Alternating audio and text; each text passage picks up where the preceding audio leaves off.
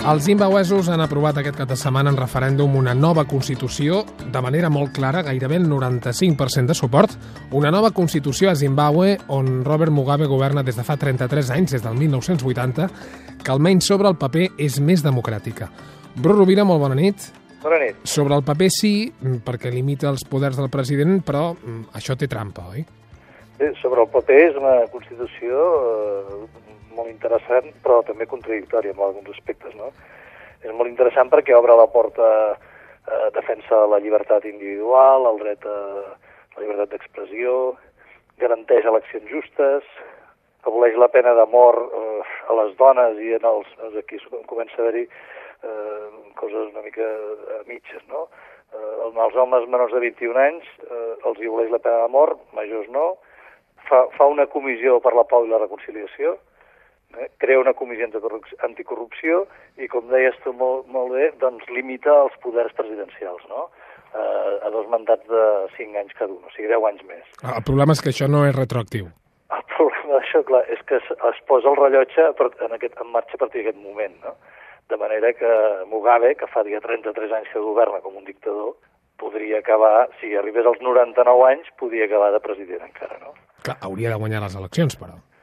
Sí, i, eh, clar, però la, de fet eh, Mugabe ja va perdre les eleccions del 2008 i va fer que les havia guanyat, no? És a dir, que tal com funciona el país, això pot ser una Constitució que cregui conflicte en el sentit de que no respondrà a la realitat pràctica de la política de Mugabe, no? Mm.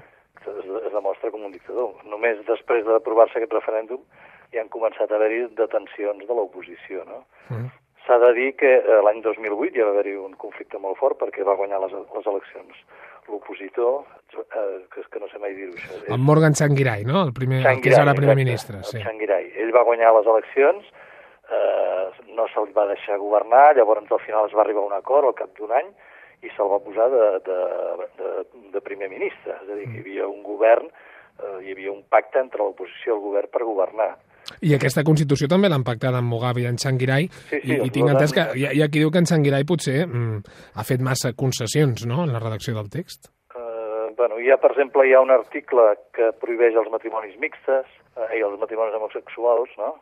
Hi ha una sèrie de, de coses mm, que sí, que hi ha, hi ha concessions, però, en el, però de fet és una millora enorme, perquè garanteix, per exemple, el, una, una eleccions lliures i garanteix la llibertat de premsa, cosa que també havia estat segrestada, no? Mm.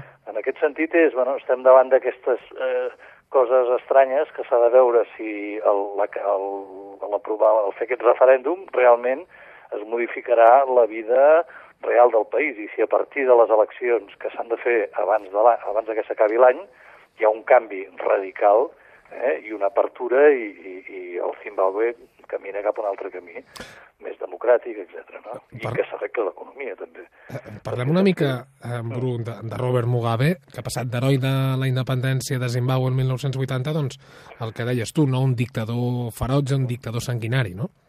Sí, Mugabe és un, és un personatge que hem vist bastant a l'Àfrica, que té aquesta característica, que fins a quan és un heroi de la resistència, és un gran intel·lectual, un home que ha estat molts anys a la presó, eh, educat als jesuïtes, té tota una primera etapa de la seva vida, fins que agafen el poder l'any 80, que és una persona inclús de diàleg, no?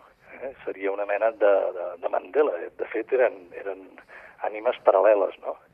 i a partir d'un cert moment doncs, es converteix en un, en un sàtrapa, eh, un corrupte, etc etc. no? Sí, però a partir de l'any 2000 ja que comença a entregar les terres d'aquella manera que ho va fer i quan ja, ja li bloquegen l'economia al món occidental i tal, ja de, es converteix en un gran corrupte que ja fa tota mena de d'animalades, no? gasta tot diners a punta pala en festes privades, etc etc.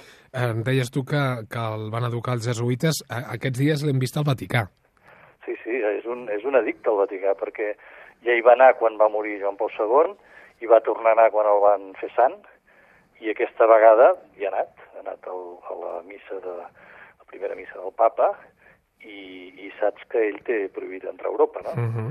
De manera que, eh, per, per, bueno, va al Vaticà, ell va al Vaticà, però és un addicte, i a part de que també ha fet declaracions dient que el fet de que fos un jesuïta i que ell havia estat els jesuïtes, doncs era un element que, que li feia molta il·lusió. No? De fet, eh, estava mm, al costat, a la missa estava al costat de tot un seguit de, de mandataris europeus que li han prohibit l'entrada a Europa.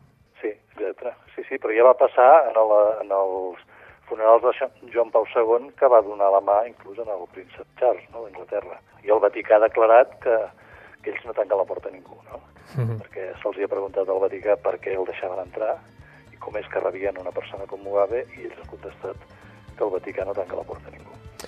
És un personatge particular, en Robert Mugabe, president de Zimbabue des de fa 33 anys, i avui hem parlat d'aquesta nova Constitució que han aprovat amb el 95% dels vots en aquest referèndum que s'ha fet aquest cap de setmana. Bru Rovira, moltes gràcies. Bona nit. Bona nit, gràcies.